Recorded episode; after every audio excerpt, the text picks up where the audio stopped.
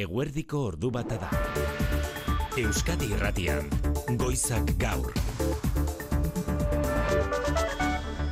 Arratsalde on deizuela guztio interes tipoak aurten bertan jeisten hasi beharko lukela uste du ekonomiaren lankidetza eta garapenerako erakundeak. Badago horretarako tartea, beti ere zuhurtzia baztertu gabe, Matias Korman OCDeko zuzendaria. Provided that inflation continues to decline, central banks in advanced economies, including the US Federal Reserve and the European Central Bank, could start to lower interest rates this year.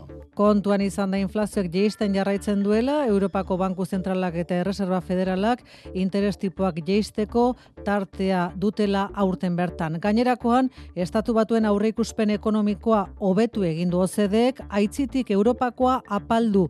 Europako potentzia nagusiak ez dira iritsiko bataz beste euneko bateko hazkundera aurten, Espainiako estatua da salbuespena. Espainiako estatuan euneko bat terdi hasiko baita aurten barne produktu gordina. Etxeko ekonomiari lotuta balantze positiboarekin amaitu dute urtea Euskal Autonomia Erkidegoko parke teknologiko nagusiek. Gaur egun haiek duten okupazio maila ikusita, Zamudio, Miramon eta Minaoko parkeak zabaltzeko asmoa iragarri du jaularitzak, emango dizkizuegu xetasunak albistegian. Hortik aurrera inigo alusti zaharratxaldeon, ela sindikatuak nabarmendu duena. Greben bitartez, gainerako sindikatuek baino soldata igoera handiagoak lortu zituela iaz, ego Euskal Herria Mitxel Lakuntza elako idazkari nagusia. Zenbat eta greba gehiago, gero eta hitzarmen hobeak. Lotura zuzena dago, greben berritzen diren hitzarmenen eta lorpenen artean. Elak dio batez beste euneko sei terdi igo zirela soldatak berak sinatutako lan hitzarmenetan eta aldiz euneko laukoma bat gainerakoek sinatutakoetan. Katalunian aldeen arteko akordiorik ez eta Dani Alves Bartzelonako futbol jokalari hoia gaur hasi dira epaitzen neska bat bortxatu izana leporatuta. Bederatzi eta amabi urte bitarteko espetxe zigorra eskatu dute akusazioek Albesek neska bat bortxatu zuelakoan 2000 eta hogeita biko abenduan Bartzelonako dantzaleku bateko komunean lehen saio hasi eta berehala futbol jokalariaren defentsak epaiketa bertan bera usteko eskatu du komunikabideek egin dioten epaiketa paraleloak akusatuaren errugabetasun presunzioa urratu duela argudiatuta. Akusazioek gogor erantzun diote, esposizio mediatikoa biktimak jasan duela, haren datuak eta argazkiak zabaldu baitzituen albez jokalariaren amak. Ikus puntu edo barkatu ikusmen izugarria piztu duen epaiketa hori, Txilen gutxienez bestalde eunda amabi hildako utzi dituzten zute gehienak kontrolpean dituzte jada. Eunda amabi biktima zenbatutakoak eunka baitira oraindik ere desagertutakoak eta amabos mila etxe inguru kaltetutakoak Txile erdialdeko balpara iso hiri inguruan bereziki zonalde txiroak dira kiskali direnak, kala kontatu digu Euskadi Erratian bertan zortzi urtez bizi izan den einaut gereinu ordiziarrak. Lehen gutxi dutena, ba, ja ezer dituzte. Eta egia da, ba, aurretik ere, ba, beti izan diela zona batzu, ba, nahiko abandonatuta egon dienak, eta orduan, ba, bueno, kexa asko ere horti datoz, eh? Nazio hartetik laguntza eskaini diote Txileri, besteak beste Mexikok eta Europar batasunak. Zutei buruz izketan hasita, Balmasedan 2000 eta hogeita biko zuak kiskatutak, kiskaldutako lur eremuan, amazazpi hektarea bizi berrituko dituzte erakunde publikoek BBK Live musika jaialdiaren lankidetzarekin. Zehazki jaialdiak iaz saldu zituen sarrera bakoitzetik, iru euro bideratuko dituzte, basoa bizi izeneko ekimen publiko pribatura, basoen kudeaketan eragiteko asmoz, zarantza atutxa bizkaiko ingurune naturaleko diputatua. Bertan bera izten badugu, gure baso guzti hauek, baso zute larria gertatzeko eh, ageriko arriskua izango geuke. Eta zoritzarrez, eh, klima aldaketaren ondorioz, baldintza horrek gero eta oikoagoak izaten dira. Aize bolada, bero handi, zikate eta guzti hori. Errepide sare nagusian ez dagoela aparteko arazorik esan digu segurtasun zailak, gainerakoan behelainoa tarteko gaur Goizean kaosa izan da loiuko aireportuan emezortzi egaldi desbideratu dituzte, hoien artean realeko jarraitzaileak Mallorcara eraman behar zituena bertan bera gelditu da, anain sausti honetan egoera zein da? Ba, pixkanaka hasi da loiuko aireportua normaltasunera itzultzen, ala ere belainoa altxatzen hasi denerako, goizeko amaika terdiak ziren eta ordu hortan hartu du lur gaur goizean lehen hegazkinak loiun. Emezortzi egaldi izan dira desbideratu bertan bera behera utzi edo atzerapena handiz irten direnak tartean ziren buelinekin Mallorkara bidaiatu behar zuten dozenaka realzaleak. Iru mila bidaiariri eragindie kaosak asko eta asko autobusez Santanderrera bideratu dituzte han egazkina hartzeko ba esandakoa egoera konpontzen eta normaltzen loiuko aireportuan. Jaione Munarriz Euskalmet Arratsaldeon. Kaixo Arratsaldeon. Hortaz ondorioztatzen dugu behe laino hori aldendu dela, ezta? Bueno, oraindik araba barnealdeko leku batzuetan lautadan ba, gelditzen da zeo zer, baina esango dugu ba, beode hauek edo deitza hau desegile joango dela atozen orduetan, eta orokorrean arratsaldean egirua nahiko argia izango da, naiz eta berdin baiako deiak eta goio deiak saretuta iritsiko diren, eta bueno, ba, azken egunetan baino ode gehiago ikusiko ditugun zeruan. Kostaldean berriz, bueno, ba, itxas lambroa edo beodeiak ere izango ditugu zonalde batzuetan. Gainerakoan, ialdaketarik ez, aizea hau, itxasertzen iparrukitu txiki batekin eta temperatura maksimoak orokorrean amairu eta amabos gradu artekoak izango dira. Eta bihar?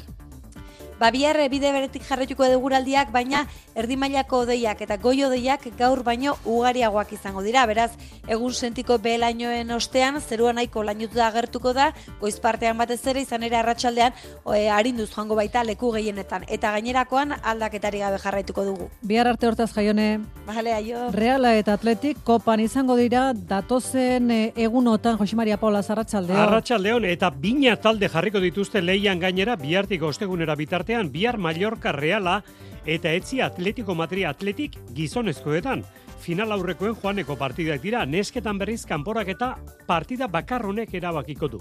Etzi atletik Tenerife lezaman eta ostegunean Levante atletik.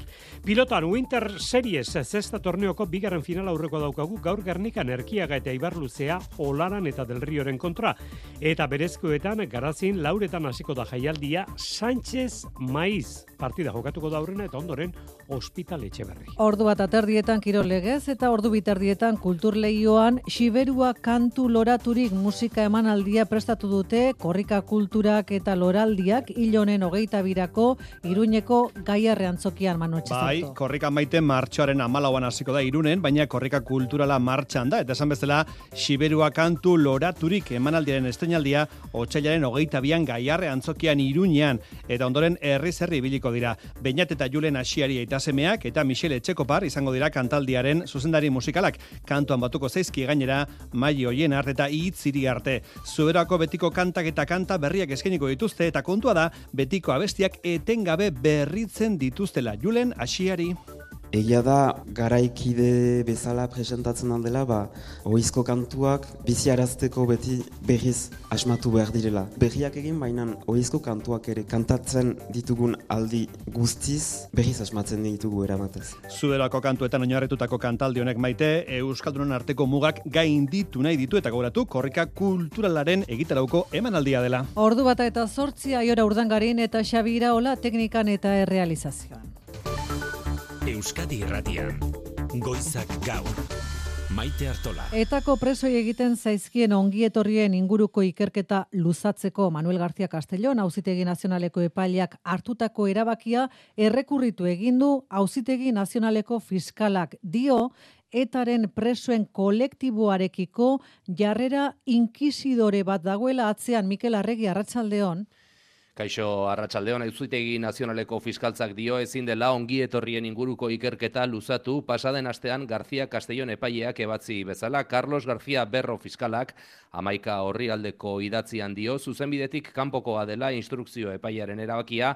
Berau ikerketa itxita zegoenean hartu duelako are gehiago erabakiak inkisizio kutsua duela dio dignidad y justizia elkartearen eskariak onartuta egin delako eta elkarte honek etako presoekin harremana duen oro kriminalizatzeko asmoa duelako fiskalaren ustetan. Gainontzean, auzitegi nazionaleko fiskaltzak ez du delitu zantzorik ikusten, epaileak instrukzioa berriz irekitzeko aipatu zituen sare eta sorturen hiru telegram kanaletan hori bai, fiskalak ongi etorrien kasua lehen bailen epaitzeko eskatzen du ikertuek izaera terroristarik etzuen gaizkile elkartea osatzen zutela dio eta frogatutzat eman ongietorrien bidez terrorismoaren biktimak etengabe humilatzea eta etari gorazarre egin ziotela. Aktualitate politikoan EH Bilduren mai politikoak ima garrastatxu durangoko alkate hoia gaur egun zinegontzi ere badena bizkaiko zerrenda buru izatea proposatu die oinarriei. Iazko udala hauteskundeetan garrastatxu buru zuen EH Bilduren hautagaitzak irabazi zituen Durango udala hauteskundeak, baina PS Euskadiko Ezkerraren eta Alderdi Popularraren babesari esker Eusko Alderdi Jeltzaleak eskuratu zuen alkatetzak gogora dezagun beraz garrastatxu Bizkaian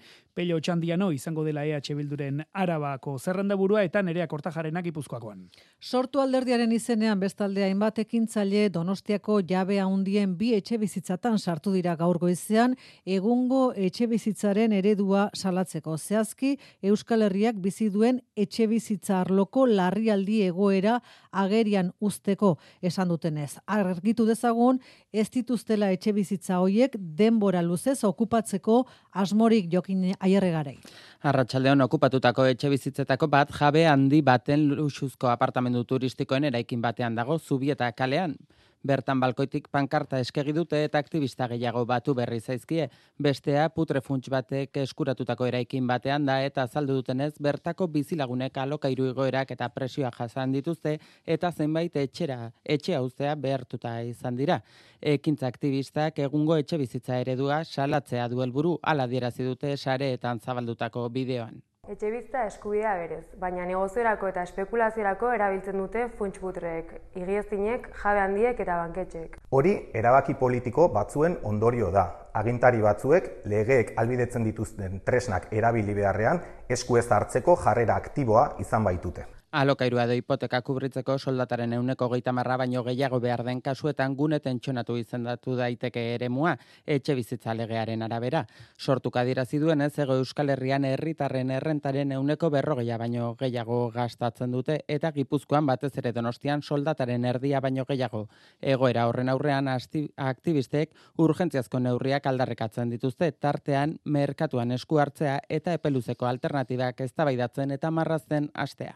Otsailaren emezortzian Galizian izango diren hauteskundeen inguruko inkesta kaleratu du gaur zisek eta inkesta honek zalantzan jarri du beste behin ere alderdi populararen gehiengo osoa. Urtarrilaren hogeita bostean zisek kaleratu zuen inkestarekin alderatuz, popularrek eta sozialistek bera, bera egingo lukete biek benegak aldiz gora. Hala, Alfonso Rueda buru duen peperi, hogeita malau eta hogeita emezortzi eserleku artean, ematen dizkio gaurko zisak, gogora dezagun hogeita emezortzian dagoela gehiengo osoa benegak goraka jarraitzen du hogeita bi eta hogeita sei eserleko artean izango lituzke inkestaren arabera eta alderri sozialista litzateke hirugarren indarra amairu eta amabost eserleku artean lortuta sumar eta demokrazia hauren sana alderdiek eserleku bat eskuratuko lukete edo bat bere ere ez. Ordu bata eta amabi minutu dira lehen aldiz balantze positiboarekin amaitu dute urtea Euskal Autonomia Erkidegoko Parke Teknologiko Nagusiek. Seire undairuro gehi enpresa biltzen dituzte guztira eta hogei mila lanpostu. Zamudio, Miramon eta Minaoko parkeak dira Euskadin mailan erreferentzia nagusi eta haien okupazio ikusita hoiek zabaltzeko asmoa iragarri du jaurlaritzak eta horrekin batera etorkizunean eraikiko diren berriak ere iragarri dituzte hauek neurrez txikiagoak izango direla adirazi dute Gipuzkoan adibidez Hondarribikoa Bizkaian Bilbo eta Ortuellan Aixunarozena Bai, 2008 irugarren urtea amaitu dute lehenengo aldiz emaitza positiboekin eta okupazio maila handia dutela ikusita, Gipuzkoania euneko eunekoa, Bizkaian laro geita mabost, eta Arabania laro geikoa, lanean ari da Eusko jaularitza Miramongoa, ilun aldera handitzeko eta Araban minaokoa zabaltzeko mila metro kuadrokin, arantxatapia ekonomiaren garapenerako zeiburua. Hiru parkeak emaitza positiboekin eh, bukatu dutela, hiru lurraldeetan okupazio maila oso altua dugula eta lur eta eraikin berriak hartatzen ari gera, erosten ari gera edo baliatzen ari gera erantzun egoki bat e, eman alizateko. Etorkizunean berriz, kampus berriak txikiagoak sortzea da helburua Bizkaian Bilbon bertan zorrotza aurren, osasunarekin lotutako proiektua garatzeko, abanton hidrogenoaren ingurukoak lantzeko edo hortuelan lehenengo harria jarri nahi da. Gipuzkoan berriz, Hernanin eta Ondarribian ere eman nahi dira urratsak azken honetan beti ere udalaren plan orokorra onartu eta gero. Gaur egun 600 eta 60 enpresa daude hiru lurraldeetako parke teknologikoetan kokatuta eta 22.000 pertsona dutela diak goi mailako titulazioarekin. Pedro Azpiazu ekonomia sailburua buru jaurlaritzak ordezkaritza bat Londresen eta Parisen izango da bestalde gaur biharretan erresuma batuko eta Frantziako inbersorei Euskadi bono jasangarriaren berri emateko. Eta aldi berean beste ordezkaritza bat Munichen eta Frankfurten izango da Alemaniako inbertsoreekin elkartzeko aurten 600 milioi euro merkaturatzeko asmoa du jaurlaritzak, zorra jaulkitzen duen zortzigarren aldia da honakoa, eta aurtengo aintzat hartuta 5 mila milioi eurora iritsiko da bono jasangarritan saldutako kopurua. Ela sindikatuak bere aldetik, konfrontazio estrategia babesten duten datuak aurkeztu ditu sindikatu honek iaz sinatutako lan hitzarmenetan soldatak euneko sei terdi. Hasi ziren aldiz gainerako sindikatuek sinatutakoetan euneko lau inguru. Beti ere, ela sindikatuaren arabera Michel Lakuntza idazkari nagusiak adirazi du zenbat eta greba gehiago orduan eta lan baldintza hobeak lortzen direla urtzi gartzia arratsaldeon. Arratsaldeon ia bi puntu terdiko aldea dago elak sinatzen dituen lan hitzarmenen soldata igueraren eta gainerako sindikatuek lortzen dutenaren artean, peilu igeregi lan hitzarmen kolektiboen arduraduna. Elak sinatutako hitzarmenetan batazbesteko soldata igoera euneko 6,5 izan zen. Eta elak sinatu etzuenean batazbesteko soldata igoera euneko laukoma amazazpiko izan zen. Sektore feminizatuetan aldiz, gainerako sindikatuek lortutakoarekiko aldea iru puntu terdikoa da, elak sindikatuak emandako datuen arabera. Iaz, zego Euskal Herrian egindako greba guztien, euneko irurogeita amarrek elaren babese izan zuten eta gainerakoena baino luzeagoak izan ziren. Mitxel aguntzi edazkeri nagusia. Ela da hitzarmen honenak lortzen dituen sindikatua. Soldata egoera handienak, lanaldi bajuenak eta aplikaziorako berme gehienak. Eta helak sinatzen dituen hitzarmenak hobeak dira grebak gehien egiten dituelako. Bere esanetan hori posible egiten duen ezinbesteko tresna erresistentzia gutxa da.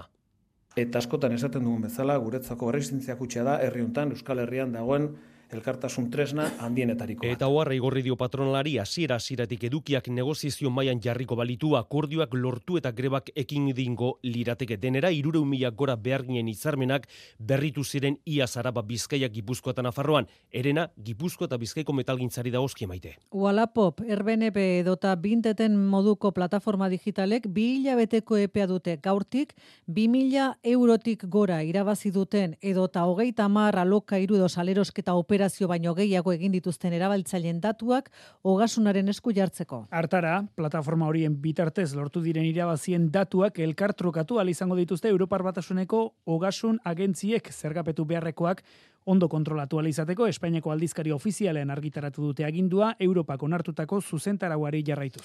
Euroguneko azkunde aurrikuspena jeitsi egin du ekonomia garapen eta lankidetzarako erakundeak nagusiki Alemaniako ekonomiaren moteltzeagatik. Aurrekuspen hoien arabera, Espainiakoa izango da euroguneko ekonomia hundien artean euneko batetik gora hasiko den bakarra aurten. Inflazioak beherako bidean segitzen badu bestalde, aurten bertan interes tasak geisten hasi beharko luketela, diote OCDeko zuzendariek nola Europan ala estatu batuetan mertzitxe berria. Iru amarreko jeitsi du euroguneko azkunde aurre ikuspena ekonomia garapen eta lankidetza elkartea 0,6ko azkunde iragarri dio aurten 1,2koa datorren urtean bataz besteko horren pareko azkunde aurre ikusi du Frantzian eta Italian, txikiagoa Alemanian eta Espainia litzateke salbu espena bat eta erdiko azkundearekin 2008 lauan. Epe ertaineko aurre ikuspenean txosteno horrek jasotzen du baita ere inflazioa espero baino azkarragoari dela jeisten oroar mundu mailan datorren urtearen amaieran neuneko biko helburutiko oso gertu koka daitekela uste du Europan zein estatu batuetan declining inflation will create room for lower policy rates. Eta banku zentralek izango dute tartea aurten bertan interestasak jeisten hasteko Claire Lombardeli ekonomia buruak nabarmendu duenez, baina hala ere oso zuhur jokatu beharko dute prezioek atzera gorako bidea arrestezaten, izan ere ekialde hurbileko gatazkan jarria du begi bat herrialde garatuak biltzen dituen elkarteak. We estimate that a doubling in shipping costs if Itxaso gorriko krisiak merkataritza kostua bikoiztea eragindu eta egoera hori urte bete luzatuko balitz inflazioa lau amarreko igotzea eragingo lukeela adierazi du elkarteko zu idazkari nagusiak Matias Kormanek. Estatu batuetan ekonomia espero baino gehiago ari da azten, aurten euneko bi pasa aurre ikusten du elga elkarteak eta txinakoa berriz espero baino gutxixiago euneko bostaren azpiti koroar zor publikoa kontrolpean izatea gomendatu du, baina hezkuntza esparruan eta klima aldaketari aurre egiteko politiketan inbertsio gehiago eskatuta. Ordu bata eta hogei minutu dira tolosaldeko alkaten mugimenduak salatu du osasun sailak eskualderako duen bide horria ez dela nahikoa gaur egun tolosaldeak dituen osasun arreta beharrei erantzuteko ospitale berriaren kokapena birpentsatzea eta bitartean asunzion klinikaren publifikatzea jarri dituzte berez ere mai gainean iratibarren arratsaldeon. Arratsaldeon larraulgo alkateak izan ezi gainontzeko tolosaldeko hogeita malu, hogeita mar udalerrietako alkateek egin dute bat kezkarekin abenduaren urriaren amaikan batu ziren gotzone sagardu osasun sailburuarekin eta honek argi utzi zien ospitale berria suhiltzai etxearen aurrean eraikitzeko erabakia irmoa dela euren ustez ordea ez da lekurik egokiena eta azterketa sakonagoa eskatzen dute entzun Igor Zapirain Ibarrako alkatea. Mai gainean duken plan funtzionala hori oso ondo aztertu barra dago. Bomberotako aparkalekuko kokaleku horrek gure kezkak sortarazten dizkigu, kastola handi badaolako hortarten, kiroldegi bat amaika mila bazkide dituena, eta nazional bateko sarrera irteera nagusina tolosakoa hor hor izango litzake. Ba, guk ere bai besteko kalekun bat edo mai gainen jartzea. Osasun saiak ez du Asunción klinika publifikatzeko asmorik eurentzat ordea arazoaren irten bidea izan liteke Iñaki Irazabal beitia alkizako alkatea azterketa benetako bat, finantziaro ea benetan, zen den ere inversiorik egin korrena. Publifikazioa, ala hospital berria egitea, eta horrek nola lantzongu bai aukera batak eta bai bestiak eskualde honek dituen behar sanitarioi. Alkate mugimenduak tolosalderako osasun arreta honen alortzeko lanean jarraituko duela azpimarratu du.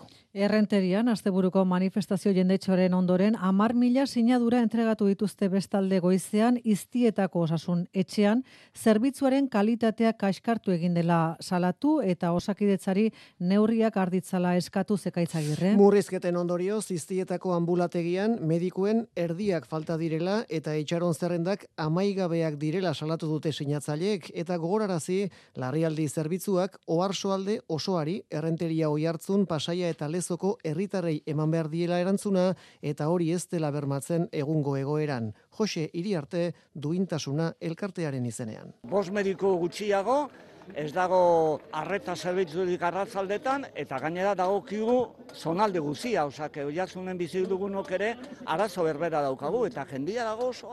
Eh? Eta jendeak erabaki du muitzea. Lengunean 6.000 persona hemen kalean, eta 10.000 firmak. Horrek zerbait esan nahi du, ez da?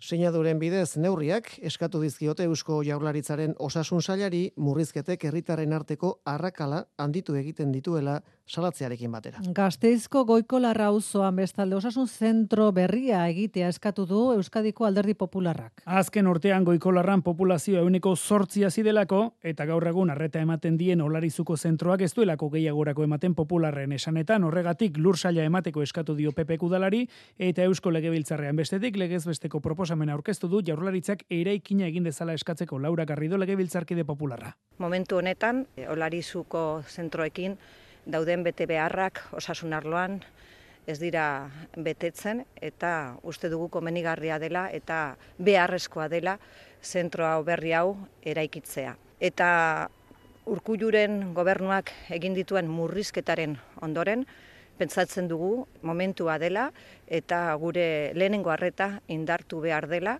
Ordu bata eta hogeita iru minutu dira. Txilen, zutek eraginda, eunda amabi hildako zenbatu dituzte oraingoz, baina kopuru horrek nabarmen egingo du gora, eundaka baitira desagertuak eta amabos mila inguru kaltetutako etxe bizitzak. Zute gehienak kontrolpean dira eta orain hildakoak aurkitu eta ustez sua identifikatza da gobernuaren lehentasuna landera izagirre arratsaldeon. Arratsaldeon bai ondamendiaren neurria ezagutu faltan bi dolu egun ezarri dituzte Txilen gaur eta bihar zuteek eragindako biktimen omenez.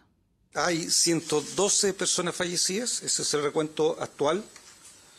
Hay 32 cuerpos Eun eta amabi hildako zenbatu dituzte oraingoz, hogeita amabi gorpu identifikatu, baina tragediaren neurria asko sandiagoa izango dela ohartarazi du gobernuak, izan ere eundaka dira desagertuak eta berrogei mila pertsonek galdu dute etxea, gehienak beste behin txiroak bertan sortzi urtez bizi izan da, ondo ezagutzen du Balpairaizo eskualdea einaut gereinu ordiziarrak zentrotik urruti, ba, oinarrizko zerbitzu ere dituzte asko, lehen gutxi zudetena, ba, oan ja ezer utzi dituzte. Eta egia da, ba, aurretik ere, ba, beti izan diela zona batzu, ba, nahiko abandonatuta egon dienak, eta orduan, ba, bueno, kexa asko ere horti datoz, ez?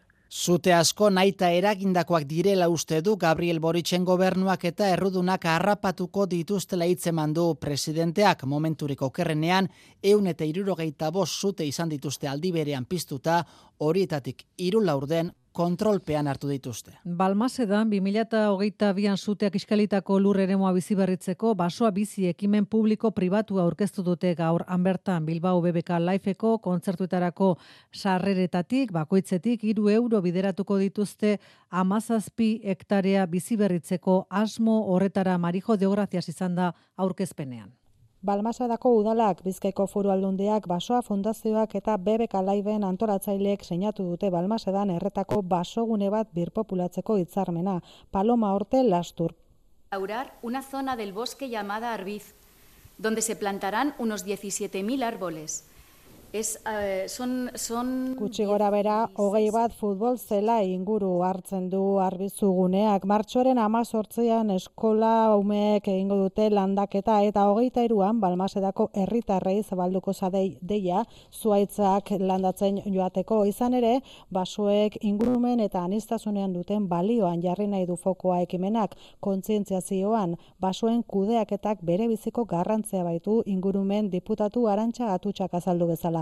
Mila bosteun hektarea e, erre ordez bosteun bakarrik errezirean. Mila bosteunetik bosteun. Beraz, e, kudeaketaren garrantzia e, zelakoa den e, ikusten endogu olakoetan.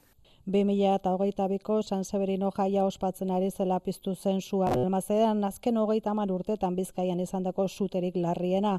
Basoa bizi ekimenak gainera tailerrak eta bestelakoak ere eskaineko bitu datozen hilabeteotan eta dekalogoa ere aurkeztu dute gaur basoaz gozatzeko bai, baina arduraz jokatzeko eta ulertzeko jasangarritasunean eta klima larrialdean duten garrantzia. Horregatik ere ekainean lastur bebekalaifek landaketa honek eragingo duen karbono aztarnaren neurketa ere aurkeztuko ditu. Angelun laborarien protesta izan da gaur diru laguntzak kudeatzeko bulegoaren sarrera traktoreekin blokeatu dute barruan sartu dira LBko bosten bat nekazari irailetik ona bosteundi gora etxaldetan Europako laguntzak oraindik ez dituztela osorik jaso salatu dute Andoni Lizeaga. Departamentuko lurralde zuzendaritza okupatu dute LBko egoizonetan bereziki garzi baigorri aldeko laborariak onkituta beranta horrekin gibelapen horrekin bereziki behiazleak eta hartzainak. Bosteun eta ama bostetxalde mendiko laguntza horren osoaren zain irailetik loga irigarai LB. Dira mar bat urte, dena papare, edo amost urte, dena paparez zelaik, sos guziak sartzen ziren bulu laguntza guziak. Eta guai, beti laboraria, beti laboraria, uh, eske edo erdi nigarrez joan behar, di, sosa ukan behar tiinak ukoiteko. Erantzun gisa, aitzakiak baino ez dituztela diote adibidez informatika arazoak. Laguntzen banaketa salatu dute, zere alzaila hobekiago ordaintzen baitute. Europako laguntza horien banaketa egokiago aldarrikatu dute, laborari kipien kalterako baita beti kalkula egin dute eta gibelapen horien gatik bankuei zazpi milioi euroko meileguak eskatuko dizkiete eta hauek euneko bosteko interesa jaso. Angeluko egoitzan bilkuro bat eskatu dute eta ez dute zehaztu noizarte geratuko diren leku horretan. Oliba olioaren prezio zitzegin nahi dizuegu, goian jarraituko dugu 2008 lauean ere, ia zego Euskal Herrian euneko berrogeita bi garestitu zen, eta uneotan bataz beste bederatzi euroan dago oliba olioa litroa. Amaitu berri da Andaluzian aurtengo guzta bilketa eta historiako guzta kaskarrena izan dute, bigarren urtez jarraian, munduko oliba ekoizpenaren euneko hogeia jaenen biltzen da, eta han bereziki kaskarra izan da usta eta horrek eragina du igotzalkorta. Lehorte izugarria jasaten ari dira Andaluziako zati handi batean eta bigarren urtez eragin nabarmena izan du horrek olibaren ustabilketan. Dramatikoa itzorrekin definitu dute jaengo oliba ekoizlek aurtengo usta, iaz bataz bestekoa baino uneko irurogeita amar txikiagoa izan zen bildutako oliba kopurua, aurten antzekoa da ondamendi ere jo dutena, eta jaen ez da lurralde basolik olibaren kasuan munduko oliben euneko gehi bertan jasotzen da, Mikel Izagirre lantziegoko erroiz markako oliba olio ekoizlea. Bai, badaki jaenen ba, bigarren usta oso oso txarra izan dela, produkzioa gure egin aldeatu asko handiagoa da, oso oso garrantzitsua munduari begira. Han usta txarra izateak eh, mundu osoko presioetan daukera gina. Oliba olioaren prezioa markatzen duen indize bat bada, pulrit eta berau jarraitu aurreratu daiteke, orain bataz beste bederatzi euroan dagoen oliba olio litroak antzera jarraituko duela 2000 eta hogeita lagunetan, ez dela jeitxiko alegia. Hori bai, lehorteak soilik ez du eragin prezio igoera, niko kuenka ekonomialaren arabera, banaketaren zatia da erosleak ordaintzen duen azken prezioaren erena, ez hainbeste ekoizpena, eta Espainiar estatuan biltzen den olibaren euneko larogei esportatu egiten da. Orain arte oliba osoan, fruituan esportatzen zen, baina azken aldian oliba olioa eginda eta garestien ordaintzen duten herrialdetara esportatzen hasi dira, horrek ere izan du eragina, guztiok sumatzen dugun olioaren prezio igoera. Ordu bat aterdiak jo berriak.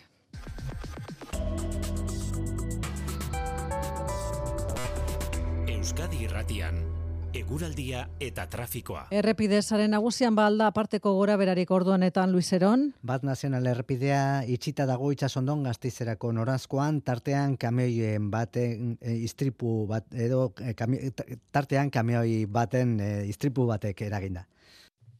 Hauxe bestalde urrengo orduetarako eguraldiaren pronostikoa. Barnealdeko behelainoak desegin ostean erdimaiako deiak eta goio deiak saretu da iritsiko dira eta giro orokorrean argia izango da arratsalde partean. Kostaldean berriz, ba, itxas lambroa edo beho deiak nagusituko dira zonalde batzuetan. Aizea haule ibiliko da iparrukituarekin itxasertzean eta temperatura maksimoak gaur amabos gradu ingurukoak izango dira. Bihar oraindik antizikloiarekin egonkortasunaren bidetik jarraituko du eguraldiak, baina erdimaiako dei eta goio deiak uariagoak izango dira goizpartean behintzat.